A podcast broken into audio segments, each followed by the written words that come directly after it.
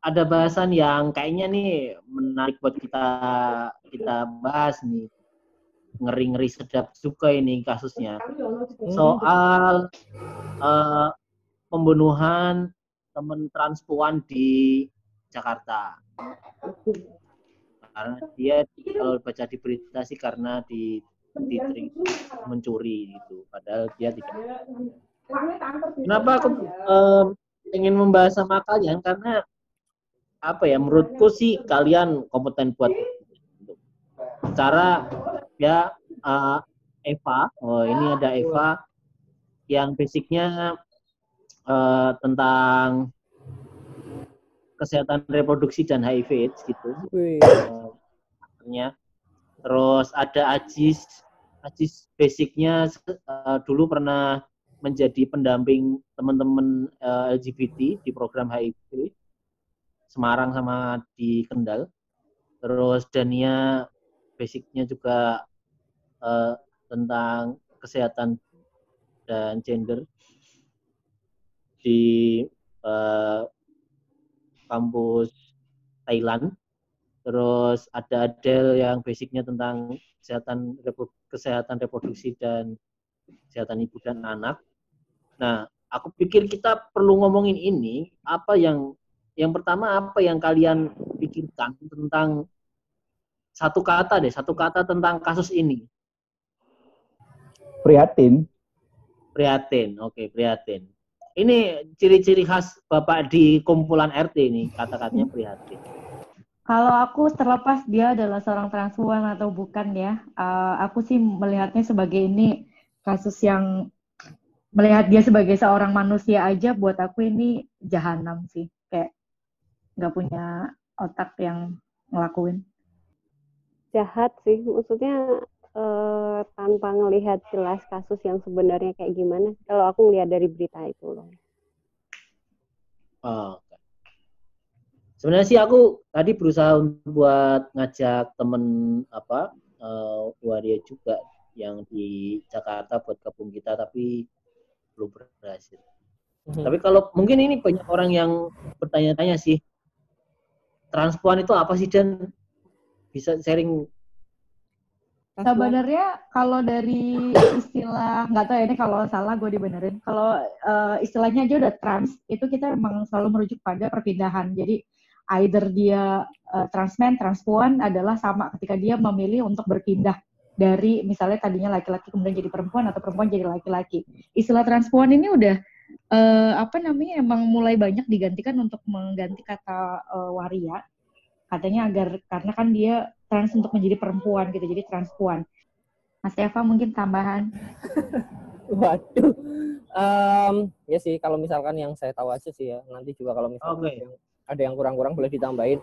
Kalau misalkan tadi uh, kita kenal waria sebenarnya kalau di uh, di apa sih di buku kajian di buku teori ada tiga macam trans ada transvestite ada transgender ada transseksual gitu ya kalau misalnya kita bahas dulu yang transgender transgender itu mungkin yang teman-teman sering tahu lihat waria jadi dia berubah gendernya yang dia laki-laki hmm. berpenampilan seperti perempuan kemudian yang perempuan berperan sebagai eh, berperan atau berpenampilan seperti laki-laki itu kita uh, nyebutnya transgender. Dia berpindah secara gender, secara penampilan. Kemudian ada yang ngomongin kelaminnya masih sama ya, Pak? Ya, secara kelamin dia masih sama. Jadi kalau misalnya walaupun dia uh, perempuan berpenampilan sekal, uh, seperti laki-laki, uh, organ kelaminnya masih vagina. Begitu juga yang laki-laki meskipun okay. dia sudah berdandan seperti perempuan, organ reproduksinya masih penis gitu ya. Nah, ada lagi yang namanya transseksual.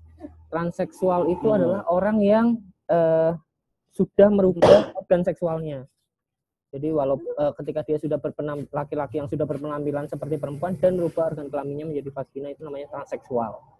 Nah, ada satu lagi namanya transvestite atau juga orang menyebutnya sebenarnya fetis.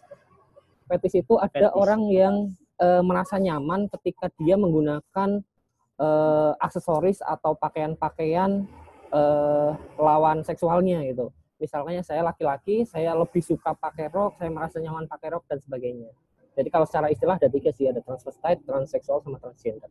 Mungkin aku pengen pengen uh, apa dengar sharingnya Ajis. Jis. Banyak yang stigma dia. terus banyak juga yang uh, mendiskriminasi mereka terus kemudian mereka juga ada maksudnya kebutuhan-kebutuhan yang tidak diberikan oleh pemerintah misalnya uh, akses kesehatan karena mereka tidak sesuai KTP KTP-nya laki-laki kok penampilannya cewek. Terus uh, itu dari akses kesehatan. Kemudian akses dari misalnya kalau mereka di apa di ruang publik. Nah, itu awal-awal memang sangat berat untuk meyakinkan mereka untuk ayo sini kamu tak dampingi tentang apa namanya uh, eh, HIV AIDS atau pengetahuan soal HIV AIDS karena mereka sangat sangat kelompok kelompok yang sangat sangat rentan terhadap penyebaran penyakit uh, infeksi menular seksual ini. Itu yang sangat-sangat berkesan sih ketika pertama-tama jadi pelanggan. Ya karena karena apa awal-awal ya kita nggak pernah interaksi sama mereka ya pertama-tama takut. Kemudian ya ngerasa nggak enak banget gitu loh. Wah kayaknya ini eh, nggak uh, dunia aku sih. Tapi apa namanya lama kelamaan itu menjadi hal yang uh, bisa dinikmati kemudian ngobrolnya juga ternyata mereka juga enak juga diajak ngobrol. Ya sampai sekarang pun juga kalau sama teman-teman transgender ya udah biasa aja. Itu sih bos yang paling paling berkesan. Apa bedanya uh, respon masyarakat terhadap teman-teman transgender ini? Bedanya di Indonesia sama di Thailand yang kamu amati wah beda banget nih di sini nih uh, beda pasti ya orang semuanya tahulah bagaimana Thailand sangat menghargai dan uh, bukan menghargai sih sebenarnya nggak juga yang gimana ya? Jadi di talent tuh ada istilah uh, don't ask, don't tell antara kita dan para para teman-teman yang misalnya mereka di golongan LGBT dan juga misalnya transpuan dan transgender gitu. Jadi di keluarga mereka sendiri mereka juga nggak yang segampang itu untuk coming out untuk ngomong eh gue pengen jadi transpuan, eh gue pengen jadi transgender. Emang karena heteronormativity itu kan sangat universal ya, artinya di semua tempat juga orang akan melihat bahwa uh, normal itu ya laki-laki dan perempuan, kemudian menjadi hetero itu yang udah pasti paling normal gitu. Nah, ketika orang melihat di Thailand itu kan emang yang namanya transgender dan transpuan itu eh transgender dan transseksual tuh banyak banget karena emang di Thailand satu kalau yang tadi yang uh, don't ask don't tell adalah yang mereka terjadi di keluarga masing-masing. Jadi kalau udah tahu keluarganya adalah seorang trans ya udah nggak usah dibahas gitu. Kayak just so you know tapi udah kita nggak usah pernah ngobrolin ini mereka jadi nggak ngasih batasan dan nggak juga ngomong kemudian keluarga gue support nggak juga gitu tapi uh, beberapa trans yang aku kenal di uh, Thailand mereka kayak ya udah pokoknya nggak usah diobrolin aja dia tahu kalau dia dan dan di rumah tapi juga mamanya nggak akan nanya kemudian yang kedua adalah uh, kita di Thailand itu setahu aku jadi mulai kurang tahu tahun berapa deh kita tuh udah mulai kayak misalnya aku terlahir sebagai perempuan dan aku pengen ganti uh, kelamin dan aku mau ganti identitas itu boleh. Bahkan di beberapa universitas misalnya lu masuk di kampus aku juga udah mulai kayak misalnya aku masuk sebagai perempuan dan lulus sebagai laki-laki itu udah bisa ganti baju gitu misalnya um, udah pakai kan baju cewek cowok pasti sudah kan beda banget ya itu mereka boleh gitu choosing. Uh, kalau emang kamu merepresentasikan sebagai laki-laki dan kamu tadi perempuan ketika daftar itu udah boleh. Jadi uh, di kita mungkin kalau aku bisa bilang adalah akhirnya penerimaan itu emang cara melawan ketid, uh, anggapan bahwa itu tidak normal adalah yang membuat itu menjadi sesuatu yang normal gitu. Akhirnya biasa aja um, akses kesempatan kerjanya sama.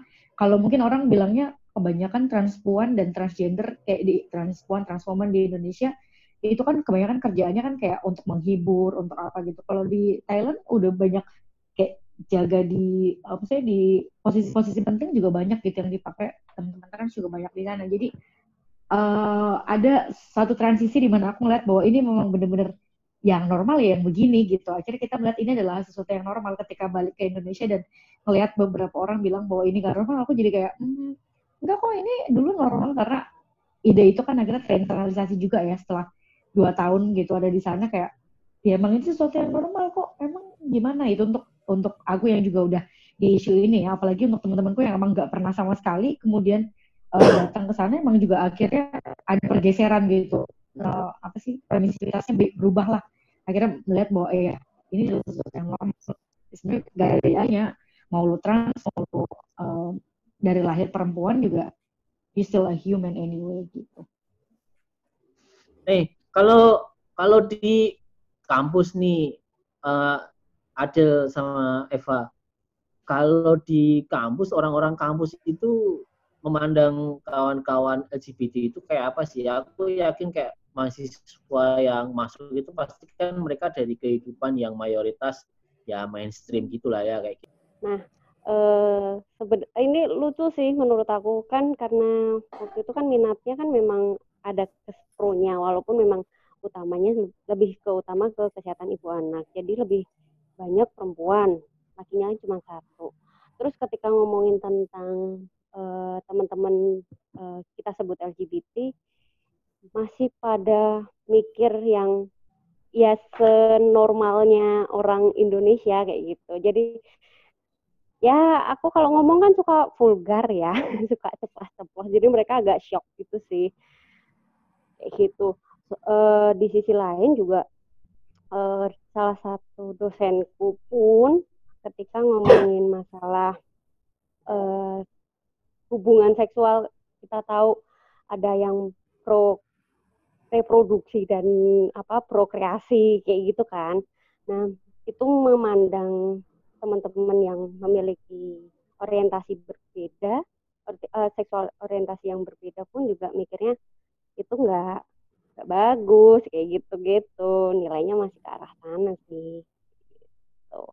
Jadi kadang teman-teman di kelasku sendiri pun suka diskusi sama aku sih kalau ngomongin tentang uh, dari sisi seksualitasnya teman-teman LGBT.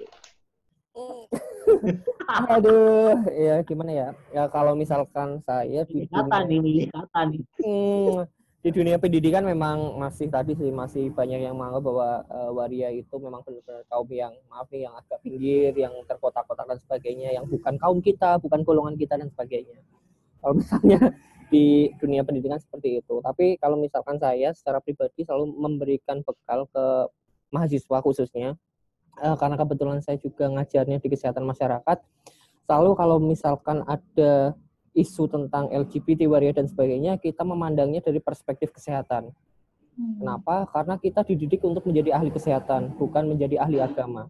Jadi kalau kita ngomongin soal waria ya kita ngomongin soal kesehatannya dia perilaku dia yang menjurus ke permasalahan kesehatan bukan ngomongin azab dan sebagainya.